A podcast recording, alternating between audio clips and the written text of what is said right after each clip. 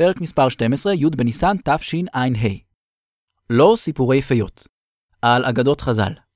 אז ככה, הפרק הזה בכלל לא היה אמור להיות. תכננתי לקראת ראש חודש ניסן פרק בנושא הלוח העברי ועיבור השנה. עבדתי עליו שבועיים וחצי, ואז הבנתי בהצתה מאוחרת שזה פשוט לא נושא בשביל פודקאסט. כדי להבין את הנושא הזה באמת, חייבים להבין את תנועות כדור הארץ, השמש והירח. כדי להבין את זה, חייבים לראות את זה בעיניים, בתמונות ובסרטונים. אז פניתי למחלקת הוידאו והאנימציה של התוכנית, דיווחו לי שאין לנו מחלקת וידאו ואנימציה, גיליתי שאין לנו אפילו מחלקת, גנזתי את הפרק, מצאתי את עצמי שבוע וקצת לפני הדדליין בלי כלום ביד, במקביל לקיתי בהפרעת בחירות דו-שנתית, חרדה, רדיפת סקרים אובססיבית, חישוב גושים כפייתי, שיבוש הדעת, עד כאן שלב התירוצים למה הפרק יתעכב, מוזיקת פתיחה ומתחילים.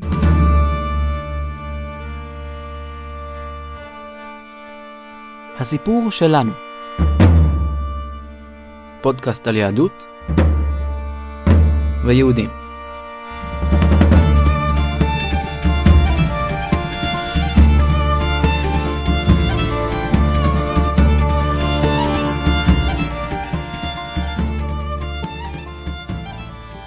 שלום, ברוכים הבאים לתוכנית הסיפור שלנו. למי שמאזין לתוכנית בפעם הראשונה, נספר שהסיפור שלנו עוסקת בנושאי יהדות. אנחנו ניגע, בעזרת השם, בתחומים מגוונים. סוגיות הלכתיות, אישים חשובים, הגות, היסטוריה יהודית ועוד. בכל פרק נושא חדש. לי קוראים איתמר. הפרק הנוכחי עוסק באגדות חז"ל. במהלך הפרק אנחנו נשמע ראיון עם דוקטור שמואל פאוסט, חוקר ספרות חז"ל ומחבר הספר אגדתא. נתחיל.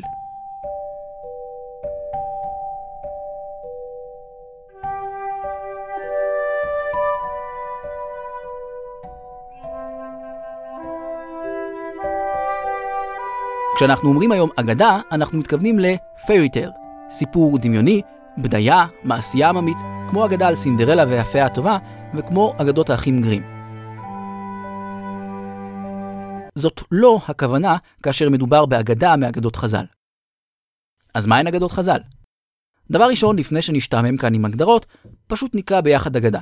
סתם, בלי הסברים וניתוחים. חיפשתי ומצאתי אגדה קצרה ונחמדה בספר האגדה. ספר האגדה הוא לקט של אגדות מתוך ספרות חז"ל. הוא לוקט ונערך בידי הסופר והמשורר חיים נחמן ביאליק ובידי יהושע חנה רבניצקי. ביאליק ורבניצקי סידרו את האגדות לפי סוגים ונושאים, האדירו אותן ותרגמו את האגדות במקום הצורך מארמית לעברית. הנה האגדה. מעשה ברבי פנחס בן יאיר, שהיה דר בעיר אחת בדרום, ובאו לשם שני עניים להתפרנס. והיו בידם שעתיים שעורים, והפקידו אצלו, ושכחו אותן, והלכו להם. והיה רבי פנחס בן יאיר זורע אותן בכל שנה ושנה, וקוצרן וכונסן, ועושה אותן גורן. אחר שבע שנים באו העניים וטבעו שעוריהם. הכירם רבי פנחס בן יאיר, אמר להם, הביאו גמלים וחמורים, ובואו ותלו אוצרותיכם. סוף ציטוט, סוף שעת סיפור. אנחנו עוברים לשלב ההגדרות. הגדרה לשונית קצרה התרגום לארמית של המילה העברית הגדה, עם האות ה', הוא אגדתא. ככל הנראה, בהשפעת הארמית, המילה העברית הגדה הפכה לאגדה, עם האות א'. לאגדה ולהגדה יש את אותה משמעות. הן נגזרות מהפועל להגיד. הצורה אגדה עם א' השתרשה יותר, ולכן נשתמש בה. אז מה זאת אגדה או הגדה? קודם כל, חשוב לא להתבלבל עם האגדה של פסח. זה סיפור אחר. כדי להבין מהן אגדות חז"ל, צריך להקדים מבוא קצר. תורת ישראל, התורה, היא רחבה מאוד. החלוקה הבסיסית של התורה היא לשני חלקים, תורה שבכתב ותורה שבעל פה. התורה שבכתב כוללת בעיקרה את חמשת חומשי התורה, ובצידם את יתר ספרי המקרא. המקרא הוא שם כולל לספרי התנ"ך בלשון חז"ל. התורה שבכתב נמסרה מדור לדור בכתב, וזהו מקור השם שלה, תורה שבכתב. החלק השני של התורה הוא התורה שבעל פה. בעל פה, כי בניגוד לתורה שבכתב, התורה שבעל פה לא הועלתה על הכתב. במשך דורות רבים היא נלמדה ושוננה בעל פה, ונמסרה בעל פה, תלמיד מפי רבו, דור אחרי דור. התורה שבעל פה נוצרה בעיקרה בתקופת התנאים והאמוראים, בערך משנת 200 לפני הספירה עד לשנת 500 לספירה. התקופה הזאת גם נקראת תקופת חז"ל. חז"ל הן ראשי תיבות של חכמינו, זיכרונם לברכה. בסופו של דבר, גם התורה שבעל פה הועלתה על הכתב, אבל השם, תורה שבעל פה, נשאר. מה כוללת התורה שבעל פה? החיבורים המרכזיים של התורה שבעל פה הם המשנה והתלמוד. המשנה והתלמוד מוקדשים ברובם לדיון בהלכה. ההלכה עוסקת באורח החיים המעשי המחייב את שומרי התורה. הלכות שבת, הלכות כשרות, הלכות מקח וממכר, דיני נזיקין, דיני נישואין, דיני גירושין, בקיצור, חוק ומשפט. עיקרי המצוות שעם ישראל הצטווה עליהם מופיעים בתורה שבכתב, אבל פרטי ההלכות מופיעים בתורה שבעל פה. לדוגמה, התורה מצווה במספר מקומות לשבות ממלאכה בשבת. ששת ימים תעבוד ועשית כל מלאכתך, ויום השביעי שבת להשם אלוקיך, לא תעשה כל מלאכה. עם זאת, התורה שבכתב לא מפרטת את כל המלאכות האסורות בשבת. פירוט המלאכות האסורות בשבת מופיע בתורה שבעל פה. פרטי ההלכות שבתורה שבעל פה מגיעים ממספר מקורות. חלקם נלמד באמצעות מדרש הלכה. כלומר, עיון בפסוקים שבתורה שבכתב לצורך הסקת מסקנות הלכתיות. חלק אחר מפרטי ההלכות ידוע בזכות מסורות שעברו בעל פה מדור לדור. חלק אחר מההלכות הם גזרות ותקנות שקבעו חכמים, נוסף על מה שציוותה התורה שבכתב. ההלכה, שמכתיבה את הפן הנורמטיבי של החיים היהודיים, תופסת את חלק הארי של התורה שבעל פה, אבל לא את כולה. התורה שבעל פה מכילה גם חלקים אחרים. עד כאן המבוא הקצר. עכשיו נוכל להגדיר מהי אגדה. אני קורא מתוך הערך אגדה שבאנציקלופדיה העברית. רגילים להגדיר את האגדה על דרך השלילה, כאותו החלק מתורה שבעל פה שאינו הלכה. סוף ציטוט. כלומר, כל החומר בתורה שבעל פה שהוא לא הלכה, הוא אגדה. ההגדרה הזאת היא קצת בעייתית ומעורפלת. קשה להגדיר מהי אגדה. הסיבה לכך נובעת מהאופי המיוחד של התורה שבעל פה, ובעיקר של התלמוד. אני קורא מתוך ספרו של הרב עדין שטיינזץ, התלמוד לכל. התלמוד כולל בתוכו את אוצר החוכמה היהודית של עם ישראל. בהיותו אוסף של חוק, אגדה ופילוסופיה, של שיטה לוגית מעשית, של היסטוריה ומדע, של סיפורי מעשיות והומור. סוף ציטוט. המשנה והתלמוד הם לא רק קבצי הלכות וחוקים. המשנה, התלמוד ויתר ספרות חז"ל מהווים מעין פרוטוקול של שיחתם ויצירתם של חכמי ישראל מתקופת חז"ל, שכמו שאמרנו, נמשכה מאות שנים. עכשיו אנחנו יכולים להבין מדוע האגדה נקראת אגדה. מדובר באוסף של הגדים של חכמים שנאמרו בנושאים שונים ובהזדמנויות שונות. אנחנו נקרא כעת קטע נוסף, ארוך יחסית, מתוך ספרו של הרב שטיינזץ, התלמוד לכל. הקטע סוקר ביתר פירוט את הסוגים השונים של האגדות. חלק אחד מן האגדה שייך לתחום מדרש האגדה. לאמור, חלק זה עוסק בפירושיהם של פסוקים מן המקרא, אותם פסוקים שאין להוציא מהם מסקנה הלכתית מוגדרת. תחום אחר של אגדה הוא מאמרות של חוכמה ומוסר בנושאים שונים. עוד מוצאים בהגדה התלמודית סיפורים על אישים שונים. נוסף לאלה, מוצאים אנו חומר אגדי בנושאים עקרוניים שונים, לגבי בעיות תיאולוגיות ודתיות, כמו ביחסים בין אדם להשם, בביאת המשיח וכיוצא באלה. כמו כן, מצויה בהגדה מקצת מן הסיפורת העממית היהודית של אותם דורות. משלים, אמרי חוכמה ופתגמים מקובלים על העם. ולפי שחכמי התלמוד עסקו כמעט בכל בעיה, מצוי בתלמוד חומר כלשהו לכל עניין כמעט. סיפורי מסע, שאלות פילולוגיות, עצות מסחריות, רפואות וסגולות, היסטוריה ועוד ועוד. סוף ציטוט. כפי שעולה מהקטע, יש הרבה סוגות, ז'אנרים, של אגדות. אנחנו נביא כעת כמה דוגמאות של אגדות מסוגות מרכזיות בספרות האגדה. באחת הסוגות של ספרות האגדה כבר פגשנו בתחילת הפרק. הסיפור על רבי פנחס בן יאיר שקראנו, הוא דוגמה לאגדה מסוגה שנקראת מעשי חכמים. סיפורים על חייהם ופועלם של חכמים.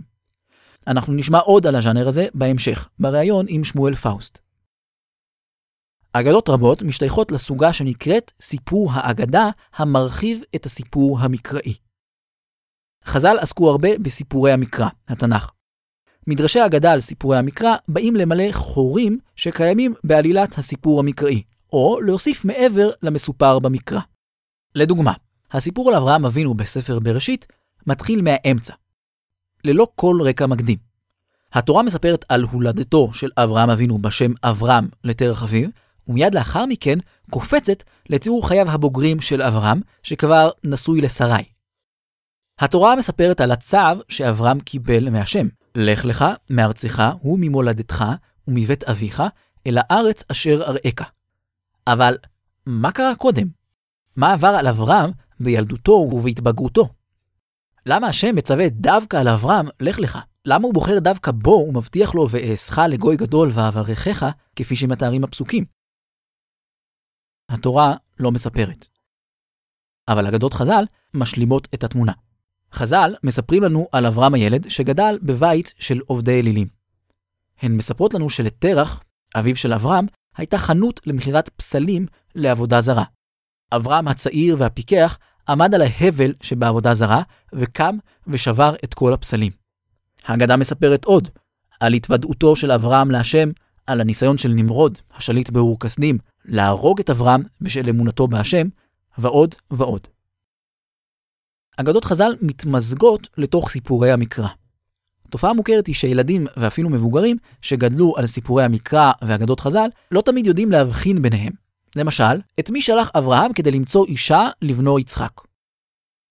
אם מניתם אליעזר, פיתחו את התורה בפרשת חיי שרה, ותגלו ששמו של אליעזר כלל לא מופיע שם. בתורה כתוב רק שאברהם שלח את עבדו זקן ביתו. חז"ל הם שמספרים שאותו עבד היה אליעזר, שמוזכר בכלל במקום אחר. סיפור האגדה המרחיב את הסיפור המקראי הוא נושא רחב. באמצעות מדרש האגדה, חז"ל מעצבים את דמותם של גיבורי המקרא, יוצרים כישורים והקבלות בין סיפורים ודמויות תנ"כיות שונות, מחדדים מסרים שעולים מתוך סיפורי המקרא, וחושפים מסרים חבויים בתוכם. יש כאן הרבה מה להרחיב, אבל אנחנו מתקדמים הלאה. ז'אנר אגדה המרכזי נוסף הוא דברי חוכמה ומוסר. הקובץ המפורסם ביותר של דברי אגדה מהסוג הזה הוא מסכת אבות שבמשנה. מסכת אבות כוללת עצות והדרכות של חכמים שונים בענייני הנהגות ומידות טובות. הנה דוגמה למשנה ממסכת אבות. שבעה דברים בגולם ושבעה בחכם. חכם אינו מדבר בפני מי שהוא גדול ממנו בחוכמה, ואינו נכנס לתוך דברי חברו, ואינו נבהל להשיב, שואל כעניין ומשיב כהלכה, ואומר על ראשון ראשון ועל אחרון אחרון, ועל מה שלא שמע אומר לא שמעתי, ומודה על האמת. וחילופיהן בגולם. מסכת אבות כוללת גם אמרות חוכמה קצרות ומנוסחות היטב שהפכו לפתגמים שגורים בפי העם. למשל, סייג לחוכמה, שתיקה. לא הביישן למד, ולא הקפדן מלמד. אל תסתכל בקנקן, אלא במה שיש בו. אם אין אני לי, מי לי. בתחילת הפרק הכרזנו שאגדות חז"ל הן אינן fairy tales, כלומר אינן סיפורי בדים. אבל למען האמת, בספרות חז"ל ניתן למצוא שפע של סיפורים דמיוניים ומופרכים. דוגמה מפורסמת לאגדות מהסוג הזה היא אגדות רבא ברבר חנה. אגדות רבא ברבר חנה הן המקבילה היהודית לעלילות הברון מינכהאוזן. רבא ברבר חנה, המורה הבבלי שחי במאה השלישית, נהג לספר סיפורי גוזמאות. לדוגמה, רבא ברבר חנה סיפר שכאשר היו מקטירים קטורת בבית המקדש בירושלים, העיזים שביריחו, מרחק של יותר מ-35 קילומטרים משם, היו מתעטשות מריח הקטורת. אל סיפור העיזים המתעטשות אפשר להתייחס כאל סתם גוזמה מבדחת, אבל מה תאמרו על הסיפור הבא? רבא ברבר חנה סיפר שפעם אחת הוא ראה את הראם, מפלצת מיתולוגית ענקית בעלת קרניים. לדבריו, הוא ראה את הראם ביום שבו הוא נולד, וכבר אז גודלו היה כגודלו של הר תבור. רבא ברבר חנה מוסיף ומספר שהראם הטיל בחינניות את גלליו לתוך מימי נהר הירדן, ושהגללים יצרו סכר שעצר את זרימת הירדן. הנה עוד סיפור של רבא ברבר חנה, הפעם נביא אותו בצמוד למקור, בתרגום חופשי שלי מארמית. פעם אחת היינו מפליגים בספינה וראינו דג גדול שגבו היה מכוסה בחול ובצמחייה. היינו סבורים שאותו דג הוא אי. ועל כן עלינו על גבו, הבערנו מדורה והתחלנו לבשל ולאפות. כאשר חום המדורה צרב את גבו של הדג, הדג התהפך. ואם לא הייתה ספינתנו קרובה, היינו טובעים. סוף סיפור. איך צריך להתייחס לסיפורים האלה? צריך להאמין להם? הרמב"ם, רבי משה בן מימון, כותב בפירושו למשנה על היחס הנכון לדעתו לאגדות מהז'אנר הבדיוני. הרמב"ם שולל שתי גישות ביחס לאגדות חז"ל שהיו נפוצות בימיו, וצריך לומר, גם בימינו.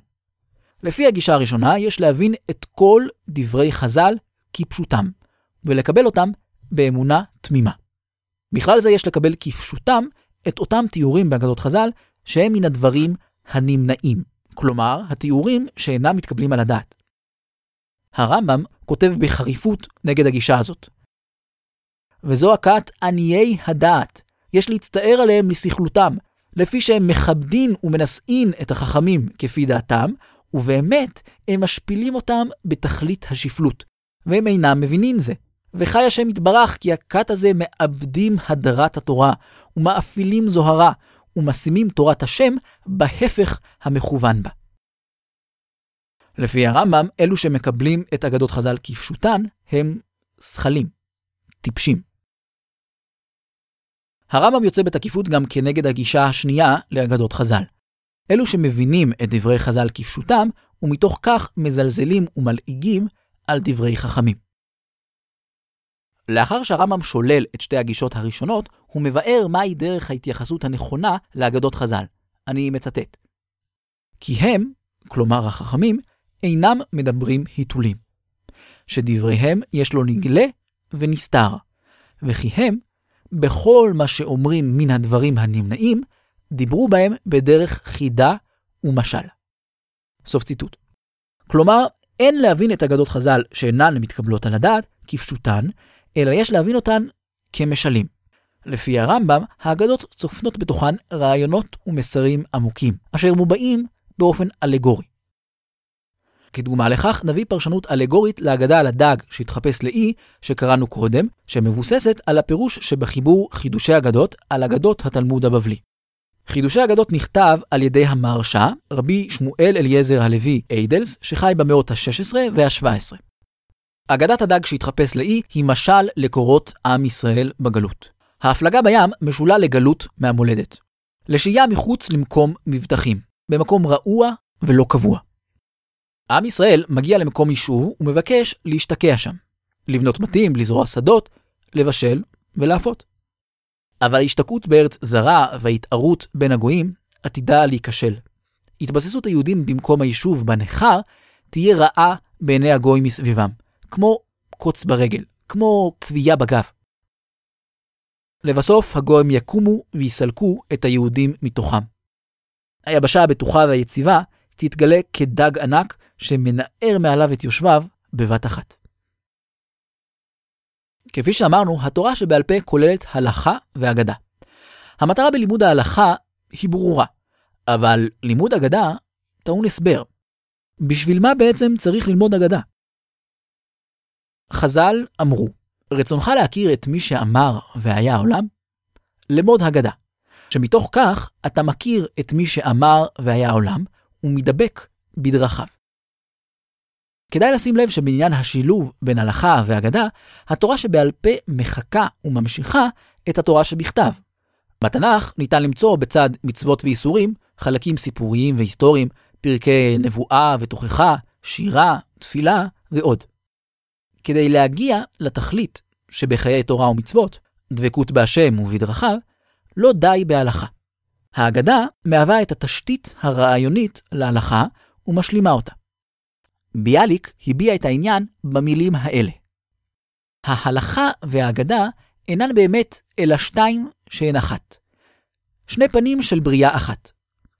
היחס שבין זו לזו הוא כיחס שבין המילה למחשבה ולהרגשה, או כיחס שבין המעשה והצורה המוחשית ובין המילה. ההלכה היא גיבושה, תמציתה האחרונה והמוכרחת של ההגדה. ההגדה היא היתוכה של ההלכה. כדי להבין טוב יותר את תפקידה של ההגדה, ביקשתי משמואל פאוסט להתראיין לתוכנית. דוקטור שמואל פאוסט הוא חוקר ספרות חז"ל, ראש התוכנית לתואר שני בהגדה והוראתה במכללת אפרתה שבירושלים, עורך במוסף שבת של מקור ראשון, ומחבר הספר אגדתה. לשמחתי, שמואל הסכים להתראיין לתוכנית. שלום לשמואל פאוסט. שלום איתמר. למה, למה ללמוד אגדה? מה, מה מחפשים שם באגדות חז"ל? מה אתה מחפש שם, מה אתה מוצא שם? אגדה היא קודם כל תורה, תורתם של אה, חז"ל, תורתם של חכמים, אה, ולכן ללמוד אותה כמו כל אה, מקצוע אחר בתורה שאנחנו לומדים. כמובן שמעבר לזה, אני באופן אישי גם חושב שהרעיונות העמוקים שחז"ל לפחות רצו להעביר, מצויים באגדה, וגם האופן שבו הם עשו את העברת המסרים הזאת, אה, שיש לו ממדים אה, ספרותיים ואומנותיים ועשירים בידע, אה, גם הדרך הזאת לעקוב אחריה מניבה הרבה מאוד פירות שבעיניי הם פשוט פירות של הנאה ללומדים. ביאליק אמר, האגדה היא היתוכה של ההלכה. איך אתה מסביר את המשפט הזה? ביאליק ראה בהגדה ובהלכה, במאמר המפורסם שלו על ההגדה וההלכה, הוא ראה בשניהם, בשתיהן אה, צורות שונות של אותו חומר.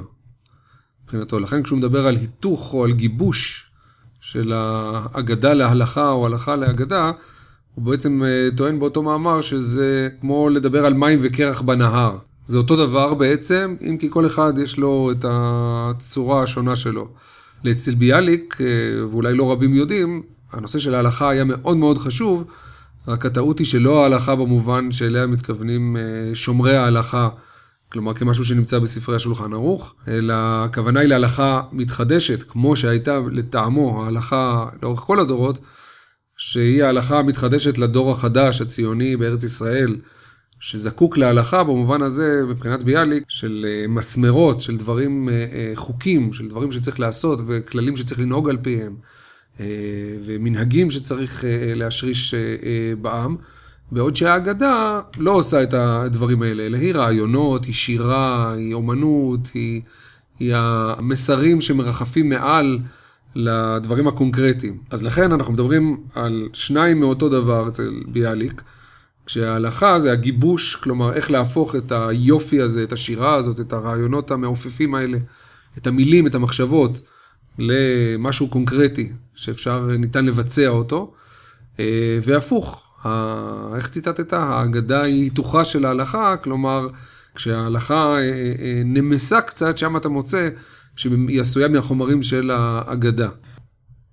ביקשתי משמואל שילמד אותנו במהלך הראיון אגדה כלשהי, כדי שנוכל לראות דוגמה מוחשית לדרך שבה הוא מחלץ את הרעיונות והמסרים שמקופלים בתוך אגדות חז"ל.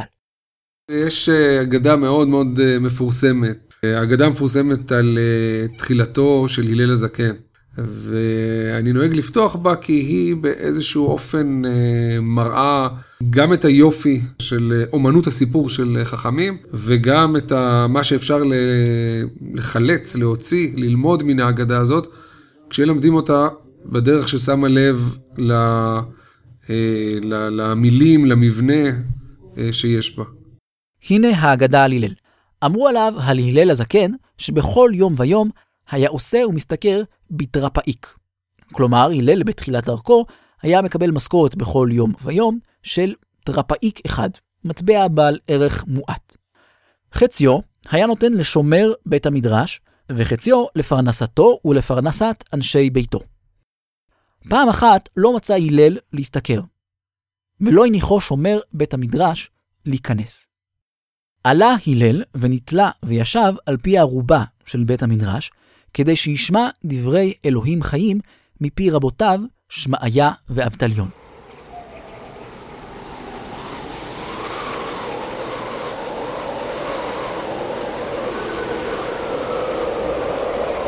אמרו אותו היום ערב שבת היה, ותקופת טבת הייתה, וירד עליו שלג מן השמיים.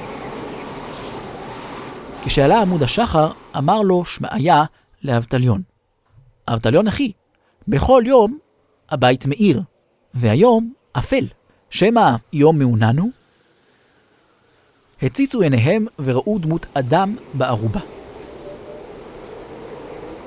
עלו ומצאו עליו, על הלל, רום שלוש אמות שלג. פרקוהו והרחיצו וסקו והושיבו כנגד המנורה. זאת הייתה האגדה, עכשיו בואו נראה מה שמואל עושה איתה. כששואלים את הלומדים על מה מדבר הסיפור הזה, כי בסופו של דבר, לשם כך אנחנו לומדים לדעת מה המסר ש, שרצו שנפיק ממנו, אה, אז בדרך כלל עולות התשובות הרגילות, שהן גם נכונות, אה, על מסירות הנפש של הלל, התמדתו של הלל וכן הלאה. כלומר, ללמד על, על איך אה, הלל מקדיש את חייו ללימוד תורה, גם כשהוא נותן מכספו, חצי מכל מה שהוא משתכר, וגם כשהוא לא מקבל לא כתשובה. ומוכן להתעלות על החלון, על הערובה של הבית, אפילו בתנאים קשים מאוד, בתנאי מזג אוויר קשים מאוד, מוצאים עליו מטרים של שלג. הראה לנו פרופסור יונה פרנקל, שבכלל פתח את השער אה, ללימוד אה, אגדה בדור האחרון, אולי נדבר עליו אה, בהמשך, שיש דרך מאוד מעניינת לקרוא את האגדה הזאת ולחלץ ממנה מסר אולי מעט אחר. אם בודקים את הניגודים שמהם בנוי הסיפור, מכיוון שכשקוראים סיפור, כל סיפור בעולם הוא בנוי על ניגודים. רואים שבאופן מאוד מובהק בסיפור הזה יש לנו ניגודים כמו הבית מאיר והיום אפל, יש אור ואפלה, יש כמובן קור וחום, הלל נתון תחת כמה אמות של שלג, ואחר כך מכניסים אותו ומחממים אותו כנגד המדורה. בחוץ עורב המוות, הלל יכול היה לסיים שם את חייו, ואילו בתוך בית המדרש, מספרת האגדה, אה, לומדים דברי אלוהים חיים, אז החיים מונגדים כאן לסכנת המוות שבחוץ.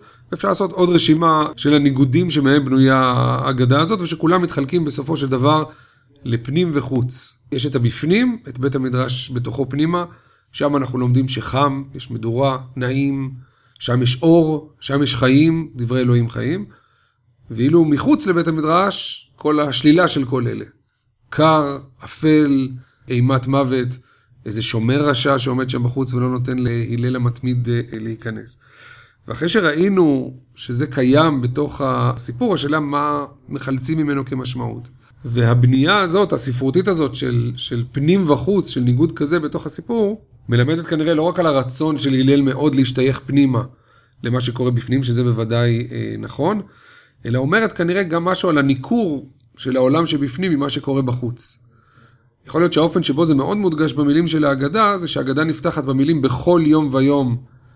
הלל, כן, מסתכר ונכנס ללמוד בבית המדרש, ודבריו של אה, שמעיה לאבטליון בתוך בית המדרש, הם בכל יום, חזרה על המילים הללו, בכל יום הבית מאיר והיום הוא אפל, הפתעה. לא יודעים מה הולך שם בחוץ. לא ברור מה קורה שם אה, בחוץ, אבל השימוש המדויק מאוד של חכמים שעיצבו את ההגדה הזאת במילים הללו בכל יום, מחזיר אותנו לבכל יום ויום, ואז אולי, אולי עולה בדעתנו שבכל יום הבית מאיר, למה הוא מאיר? אולי בגלל נוכחותו של הלל, שבכל יום ויום אה, נמצא שם, והיום הוא אפל, אולי בגלל היעדרו של אה, הלל, אבל אף אחד לא שם לב לזה. לא רק שלא שמים לב למה קורה בחוץ, גם אולי לא כל כך שמים לב למה שקורה בפנים. היעדרותו של הלל לא מורגשת בכלל מבית המדרש, אף על פי שהוא המתמיד שמגיע בכל יום ויום. אה, ואם אנחנו בונים את זה כך, אולי אנחנו יכולים ללמוד כאן איזושהי מין ביקורת פנימית, שבאמצעות ההגדה הזאת חכמים ביקשו ללמד את עצמם ואת תלמידיהם, איך בית המדרש חייב להיות כן פתוח כלפי חוץ. לא יכול להיות שעומד בו שומר שלא מאפשר לאנשים להיכנס. שלא מכיר את התלמיד המתמיד ביותר ו- וגוזר עליו אה, להישאר בחוץ.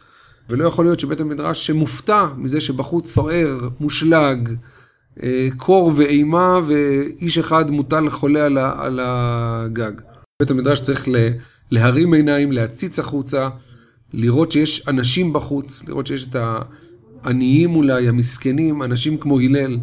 שאין להם את הפריבילגיה, לפחות בראשית דרכם, להיות uh, כל היום בבית המדרש, אבל הוא עושה את כל המאמצים כדי להיות. ורק אז, כשבית המדרש מכניס אותו פנימה, נעשה איזשהו uh, תיקון, כשהפנים uh, יוצא לחוץ ומכניס אותו פנימה חזרה אליו. אני חושב שהדרך הזאת ללמוד את ההגדה... בכלים ספרותיים. שמתחילה בכלים ספרותיים, שחותרת למסר עמוק ומבינה שהסיפורים של חז"ל ששוב, בעזרת הכלים הספרותיים אנחנו רואים כמה הם אה, אה, אה, מושקעים ומעוצבים יפה, יש לזה מטרה, ושהסיפורים הם לא בנאליים, בשביל להעביר איזשהו מסר רק על מסירות נפשו של הלל לתורה, זה נכון, זה בוודאי אה, נכון. אבל אה, להוציא כותרות כאלו, מה שקראתי קודם כותרות גן הילדים, זה לפעמים לעשות עוול להגדה של חכמים, שיש אה, לחפור בה ולהעמיק בה כדי לזהות אה, עוד. איך הגעת לעסוק בתחום הזה של אגדה? למען האמת, במהלך שנותיי בישיבה, לא עסקתי כל כך בהגדה, אה, ולא פגשתי כל כך מי שעסק אה, בהגדה, מעבר לשימוש בה כקישוט כזה או אחר מדי פעם. הרי כולם, כשדורשים דרשות ומדברים ונושאים נאומים, משתמשים בהגדה כאיזשהו קישוט לדברים. אבל לא נחשפתי ללימוד אה, מעמיק. בשלב מאוחר יותר, בלימודים אה, גבוהים יותר, למדתי בבית המדרש של בית מורשה בירושלים. שם נחשפתי בפעם הראשונה, למען האמת, לספרו הצנום של אה, יונה פרנקל, עיונים בעולמו הרוחני של סיפור האגדה, ונשבתי בקסם. זיהיתי את הסיפורים האלה, כמו שדיברנו עליהם עכשיו, איך אפשר לגשת אליהם במתודות אה, אה, נוספות שמחלצות מהם אה, הרבה מאוד עניין ויופי אסתטי, ובסופו של דבר מוליכות, כמו שהוא קרא לזה, למשמעות הרעיונית שלהם. מה שעסקתי בו בספרי, באגדתה, ואני עוסק במסגרות אחרות, הוא הרבה מאוד במעשי חכמים, בסיפורים שהם סיפרו על עצמם, ושם באמת באה לידי ביטוי האומנות המאוד משוכללת שלהם בסיפור, סיפורים והעברת מסרים רעיוניים, חינוכיים. באמצעים האלה. אנחנו יוצאים כעת לאתנחתא מוזיקלית. השיר שנשמע מספר את האגדה המפורסמת על סיפור אהבתם ונישואיהם של רבי עקיבא ורחל, בתו של העשיר כלבא שבוע. רבי עקיבא היה רועה צאן פשוט עד לגיל 40, אבל הפך לגדול הדור בזכות רחל, אשתו. רבי עקיבא איש צנוע, היה רועה בין הרועים,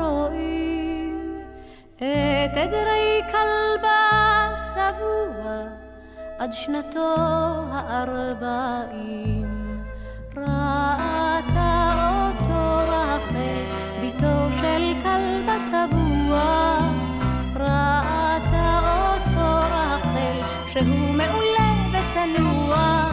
אמרה לו רחל בחשאי, קח אותי לאישה, בתנאי שתקדיש זמנך ללימוד התורה הקדושה.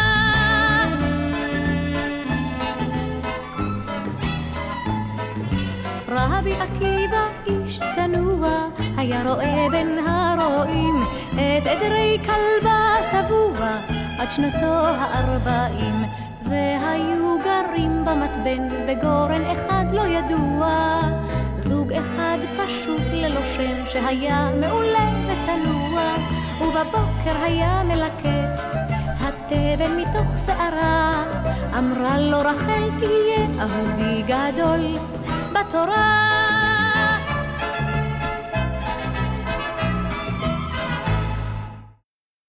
כפי שאמרנו, האגדה וההלכה משלימות זו את זו.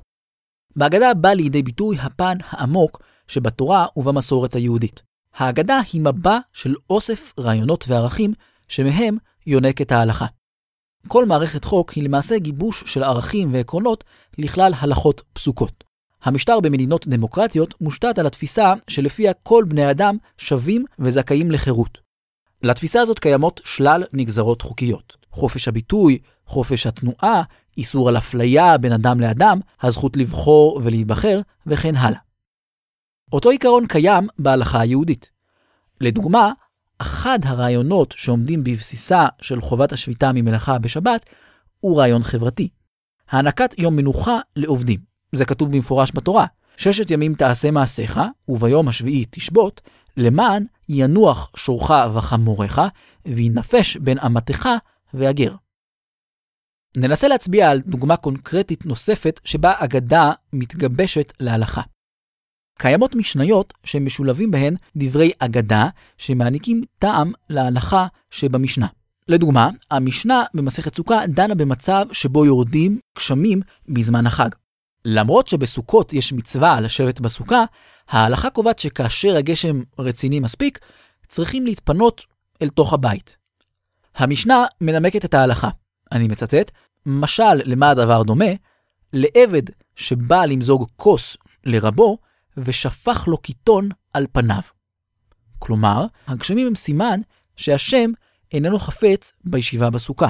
במצב שכזה, עם ישראל משול לעבד שבא למזוג כוס לאדונו, והאדון שפך לו דלי מים על הראש. זה יותר מרמז דק שנוכחות העבד איננה רצויה. בתלמוד ניתן לראות באופן בולט שילוב של אגדה והלכה. בצד הסוגיות ההלכתיות בתלמוד, ואפילו באמצע הסוגיות ההלכתיות, מופיעים קטעי אגדה. קטעי האגדה השזורים בסוגיות משלימים את הדיון בנושאים שנידונים בקטעים הלכתיים. לפעמים האגדה מביעה הסתייגות מהמסקנה ההלכתית, לפעמים היא מחדדת או מקצינה מסר שעולה מתוך הסוגיה, לפעמים היא שמה על השולחן נושא שקשור בעקיפין לסוגיה, ועוד. בגלל המורכבות הגדולה שבהדגמת העניין, החלטתי לוותר על דוגמה מפורטת לכך. במקום זאת, אתן דוגמה כללית יותר. אגדות החורבן שעוסקות בחורבן בית המקדש מופיעות במסכת גיטין מהתלמוד, שעוסקת בדיני גירושין. לא קשה לנחש את הסיבה לכך. חורבן בית המקדש הוא מעין גירושין בין כנסת ישראל לקדוש ברוך הוא. אגב, בפרק מספר 4 של התוכנית עסקנו בהרחבה באחת מאגדות החורבן, האגדה על יציאתו של רבן יוחנן בן זכאי מירושלים בזמן המצור. מהקשר ההדוק שבין הלכה לאגדה עולה שאלה מתבקשת. האם אפשר להסיק מאגדות מסקנות להלכה? או אולי צריך לשאול אחרת, האם לאגדות חז"ל יש מעמד מחייב בפסיקת ההלכה? ניקח כמקרה בוחן אגדה שעמדה במוקד פולמוס היסטורי. במסכת כתובות מופיעה אגדה מפורסמת על שלושת השבועות. לפי האגדה, עם יציאתם של בני ישראל לגלות, הם הושבעו שלא למרוד באומות העולם, ושלא לעלות בחומה. כלומר, שלא לעלות לארץ ישראל בקבוצה גדולה ומאורגנת. מהצד השני, אומות העולם הושבעו שלא לשעבד את ישראל יותר מדי. האם להגדה על שלושת השבועות יש תוקף מחייב? במידה שכן, הרי שהמפעל הציוני כולו הוא לכאורה אסור על פי ההלכה. כפי שניתן לנחש, זאת בדיוק הייתה טענתם של היהודים שהתנגדו למפעל הציוני מטעמים דתיים. כפי שניתן לנחש, אלו שתמכו במפעל הציוני ערערו על הנחת היסוד שלהגדה יש תוקף מחייב. מי צודק? גאונים הוא שמם של ראשי ישיבות בבל בתקופה שלאחר חתימת התלמוד. תקופת הגאונים בתיחום לא מדויק נמשכה בין שנת 600 לשנת 1000. המדיניות שהגאונים אימצו ביחס למעמדן ההלכתי של אגדות חז"ל היא אין סומכין על דברי אגדה. הכוונה היא שהאגדות אינן מהוות סמכות הלכתית מחייבת.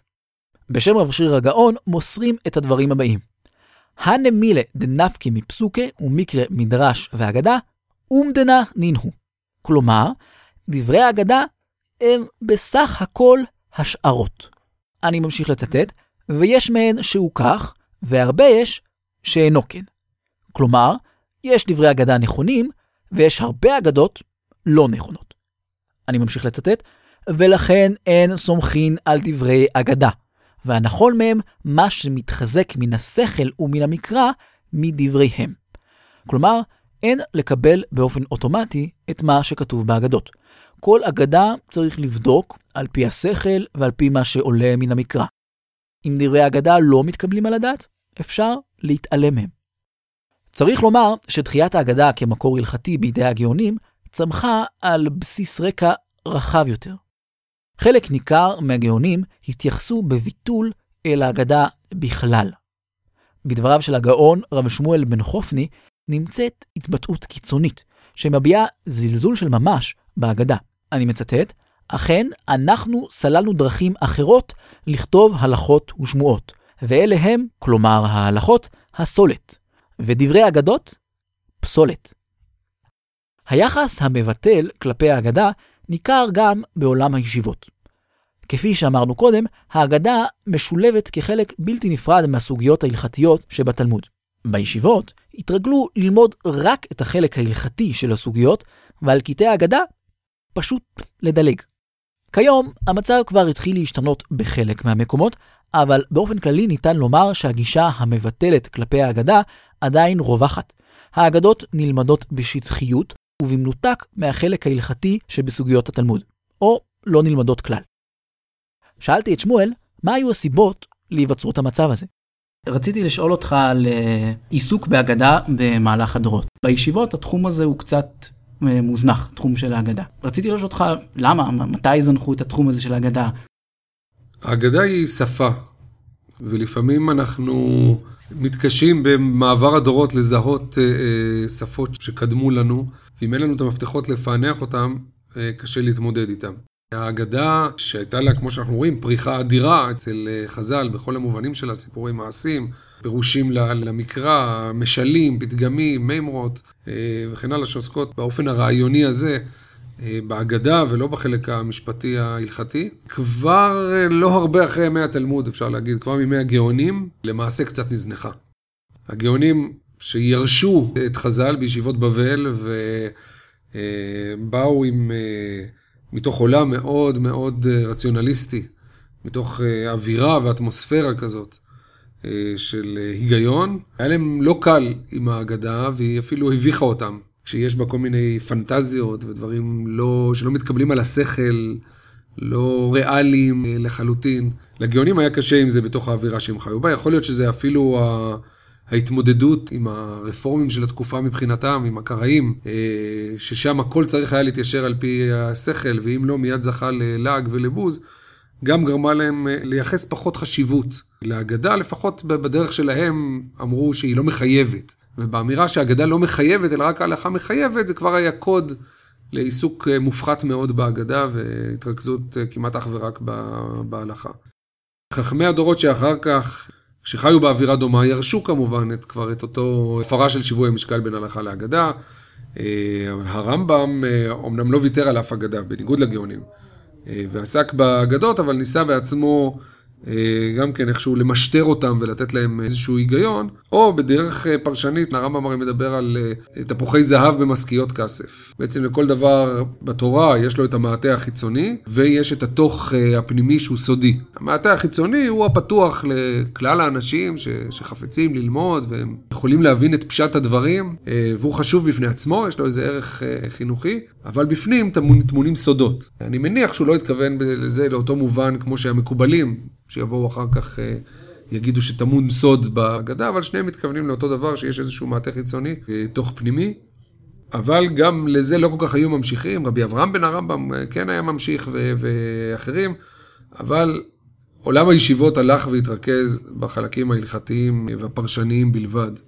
בדורות אה, אה, מאוחרים, אה, כיוון שהאגדה היה בה משהו לא מובן, לא מוסבר, שפה שאין בדיוק את הקודים, את, את הכלים לפענח אותה, אה, ובצורה הפשטנית שלה היא לפעמים נראית אה, מילתא דיבדיחותא, קראו לזה לפעמים, לא תמיד נראית אה, אה, לעניין, לפעמים היא נראית כמפריעה בכלל לרצף הסוגיה ההלכתי ולא מובן למה היא נתקעת בתוך הרצף. אז נזנחה, ובדרך כלל מבחינת הרטוריקה באחת משתי אה, אה, גישות.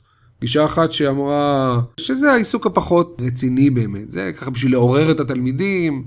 מדי פעם, איזה וורד, איזה מוסר השכל, אבל uh, הלימוד הרציני צריך להיות מושקע בהלכה, או גישה כמעט הפוכה, אבל שהמסקנה שלה היא זהה, שיש כאן דברים כל כך נעלים וכל כך נשגבים שאנחנו לא יכולים להגיע אליהם בכלל ולהבין אותם בכלל, אז בואו נתרכז במה שאנחנו יכולים להבין, וזה סוגיות ההלכתיות. כך או כך, האגדה אה, יצאה קצת מסדר הלימוד ונזנחה, ובעיקר לא הייתה בה התמחות של, שדור לדור יכול להעביר אותה. כלומר, שמישהו אה, יכול לתת שיעור בתחום הזה של אה, אה, אגדה, אפילו לא בנפרד, אלא לתת שיעור בסוגיה שבה ברור מאוד למה הסוגיה התלמודית בנויה מתוך מההלכה והאגדה, כמעט בכל המקרים. זה לא תאונה של המדפיס שנכנסה שם אגדה כלשהי, סיפור אגדה כלשהו, אלא זה בכוונת מכוון של, של עורכי הגמרא, שהבינו שהחלק האחד לא שלם בלי החלק האחר. והאגדה נותנת כנראה אה, משמעויות ופירושים וניואנסים עדינים שלא יכולים להיות בקודים המשפטיים שהם מותר ואסור, טמא, טהור, כן ולא. לתוך זה אה, נכנס הרגש והניואנסים והמשמעות שמאחורי גזירת ההלכות, ואחד משרת את השני. ופה אולי ביאליק אה, דווקא צדק, גם אם הוא לקח את זה למונחים אקטואליים מודרניים, הלכה לא יכולה בלי אגדה ואגדה בלי ההלכה. אה, יש פה ושם שממש ממש לאחרונה הגישה הזאת מחלחלת, אבל אה, כנראה עדיין לא מספיק. אז אתה אומר שיש לאקדמיה הרבה מה לתרום לעולם הישיבות בתחום הזה של האגדה. יש כן מסורות של לימוד אגדה, בעיקר בדרך חסידית, ויש, ומי שהם אה, רואים בעצמם תלמידי הרב קוק, אז אולי צריכים לראות בעצמם גם תלמידי רבי צדוק הכהן מלובלין, שממנו למד הרב קוק רבות. אה, וכן הלאה, ויש עיסוק אה, על דרך ההסבר החסידי אה, בהגדה, ויש מסורות לא מבוטלות. אבל לא זכו לפופולריות מאוד גדולה ולא בכל מקום. אני חושב שהאקדמיה, והזכרתי קודם את פרופסור יונה פרנקל, שבשנות ה-70 של המאה הקודמת התחיל במחקר רציני ומעמיק באמצעות כלים ספרותיים של סיפורי האגדה. וחשף הרבה מאוד מהצורה ומהתוכן שלה ומהאופן שבו הצורה משרתת את התוכן וההפך. אני חושב שהוא נתן אה, הרבה מאוד אה, ללומדי האגדה, גם בישיבות, שהשכילו לקבל לתוכם מתוך הפירות האלה של האקדמיה. בארצות הברית, אגב, בעולם הדובר האנגלית, אה, בנפרד, כמעט מפרנקל, לקח זמן עד ששמעו אה, עליו, אבל גם שם מלומדים כמו, אה, חלקם שנויים במחלוקת, כמו ניוזנר, אחרים, קדושין ואחרים, מצאו בהגדה את, ש... את השטח שאולי אנחנו, התחום שאולי אנחנו יכולים לקרוא לו היום, או קראו לו בעבר מחשבת חז"ל. כלומר שלא רק מן ההלכה, אלא אדרבה, הרבה מאוד מן ההגדה, אפשר לבחון את הרעיונות של חז"ל ואיך הם מתייחסים לדברים שברומו של עולם, דווקא מתוך אה, דברי ההגדה שלהם. יש את אורבך. בוודאי, אה, מחשבת חז"ל, לתחום של אורבך, מורו של פרנקל באוניברסיטה העברית בירושלים. כל אלה תרמו, אני חושב, ליכולת של האקדמיה אה, לקחת תחום, לעבוד עליו באופן שיטתי. לא לבחול להשתמש בכל הכלים, בכל ההישגים העכשוויים שעומדים לרשותם, ולא אך ורק להסתכל על המסורת של הפרשנות שנלמדה. כי למסורת הפרשנות יש, שכמובן חייבים וראוי וכדאי להתייחס אליה, כל תקופה יש לה את האסכולה שלה, ואם היו כאלה שראו באגדות תמיד אלגוריה ופירשו אותם על דרך האלגוריה, זו תקופה אחת. אחרים, דיברנו על הסוד ועל אה, אפשרויות אחרות לראות בהגדה. בכל זאת מותר לקחת, כך רואה את זה האקדמיה, כלים חדשים, למשל כלי הספרות, ולהכיל אותם על המקורות הללו, לא כדי להפוך אותם פתאום למדעיים ו- ונוסחאתיים ומשעממים, אלא בדיוק ההפך. אם נתקעים בשלב הזה זה, זה עצוב. בדיוק ההפך, להשתמש בכלים האלה כדי לחשוף את כל היופי שטמון שם. נראה לי שבדור האחרון זה באמת עולה, העיסוק הזה. ואגב, פורץ לגמרי, או מתחיל מחוץ לעולם הישיבות, התחיל באקדמיה, בחוגים לספרות עברית, ודומיהם, כמו במקומות שבהם פרנקל לימד, אה, סמינרים למורים, אבל אחר כך בכל התחום של מה שנקרא היום ההתחדשות היהודית, של בתי מדרש חילוניים, או משותפים חילונים ודתיים, שבהם אה, יש ציבור גדול שרוצה ללמוד אה, תורה. ואולי האגדה והדרך שהאקדמיה הציגה ללמוד אותה, מאפשרת להם אה, להתחבר לזה יותר בקלות, להוכיח שגם הם אה, יכולים ללמוד אה, ולהפיק מזה לא מעט, אז אנחנו מוצאים את זה פורח מאוד במחוזות האלה. ובאופן מקביל, גם המהפכה של לימוד תורה לנשים, של הדור האחרון, חלק ממנה גם אה, יונק משם. אמנם יש מקומות שכחלק מהעניין של אה, להידמות לבתי המדרש הקלאסיים ולא לא ליפול מהם, ואכן בהרבה מאוד מקרים לא נופלים מהם, אה, רוצים ללמוד את הסוגיות העיוניות וללמוד גמרא בעיון, ראשונים ואחרונים וכן הלאה, אבל העולם העשיר והפתוח הזה של, של ההגדה והפרשנויות שלה, אפשר גם שם לפחות איזה שער, איזה פתחים לתוך העולם התלמודי שאולי לא היו קיימים קודם לכן. אני אה, רואה בהגדה אוצר אדיר של ידע, של אה, אה, עושר לשוני, רוחני, רעיוני, ואפילו, כמו שאמרנו, אומנותי של עם ישראל. וככזה אסור לו להיות, לעמוד בצד ולהיות זנוח. אדרבה, זה יכול להיות, אם יודעים להשתמש בכלים הנכונים, נגיש לרבים. והמשמעות של זה היא שאנחנו יכולים גם ללמוד הרבה מאוד מה, מהאוצרות האלה של עם ישראל. שקיימים לפנינו, וגם להוסיף את חלקנו אה, אה, בהם, להוסיף את, ה, את הפרשנות שלנו, לינוק מהמקורות אה, האלה, אבל לדרוש אותם בכל דור אה, מחדש. ההגדה, ככל שנעמיק בה, נכיר אותה, נלמד אותה, כפי שהיא אה, מונחת לפנינו, היא פשוט תצטרף לעוד איזה רובד שקיים בתוכנו, אני מאמין, גם כיחידים, גם כחברה, גם כחברת בתי מדרש, חברות לומדים, שיכולים ממש אה, להסתייע בה כדי להתמודד עם, אה, עם המציאות אה, של זמננו ממש.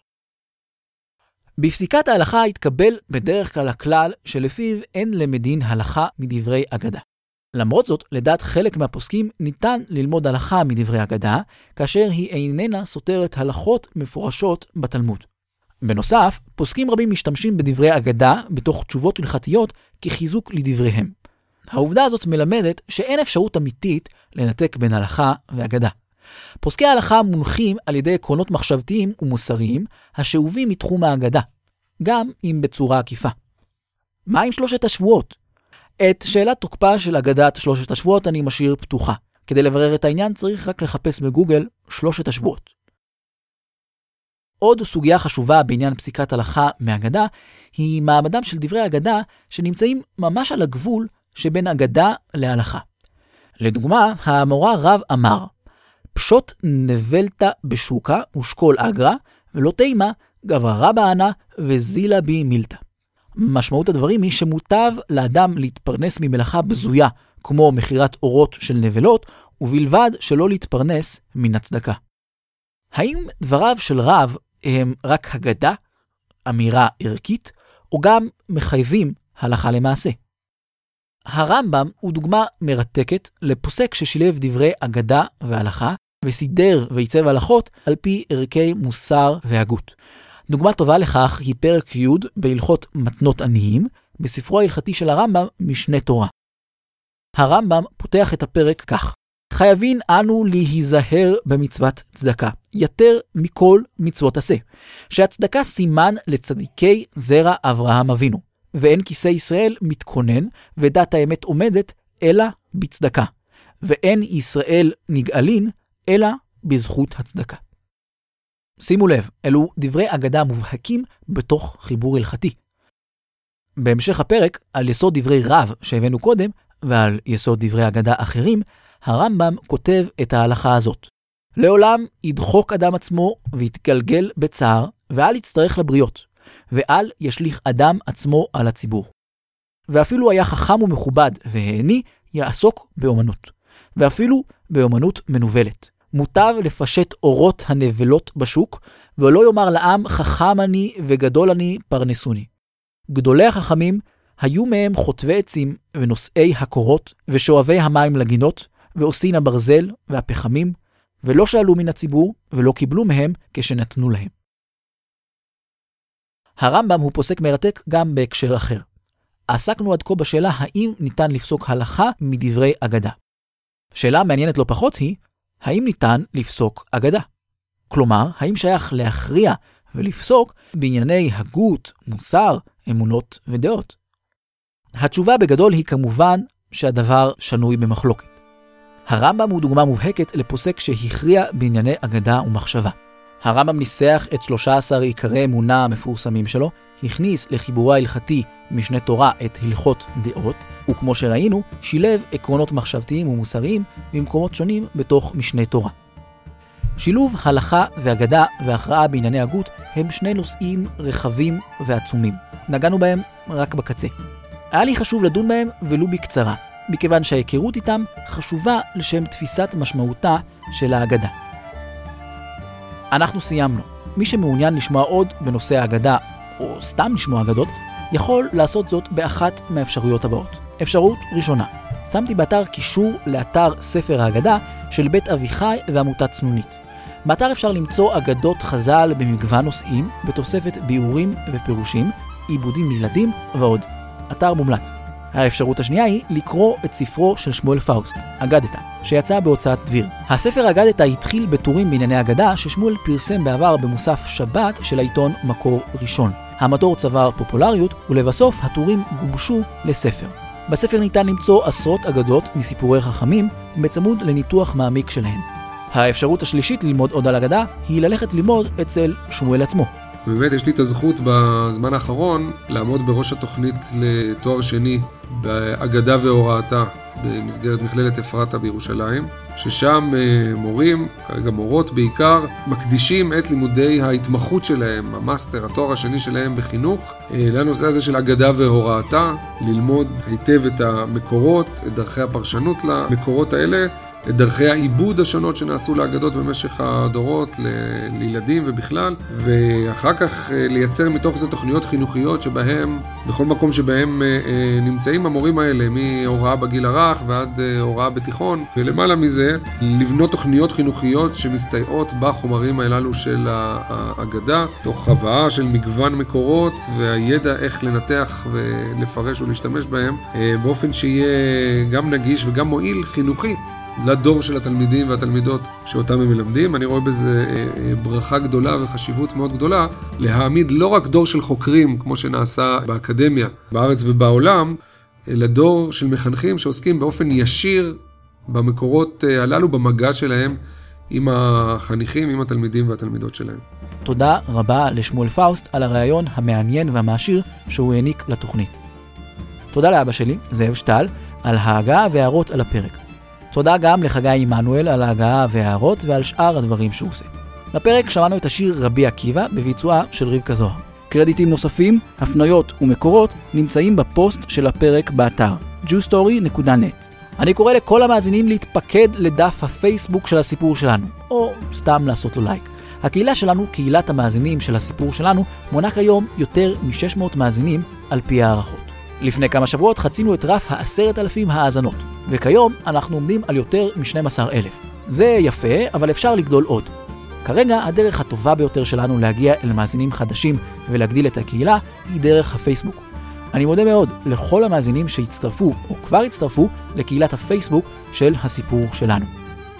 זהו, פסח כשר ושמח, ובעזרת השם נשתמע אה, מתישהו.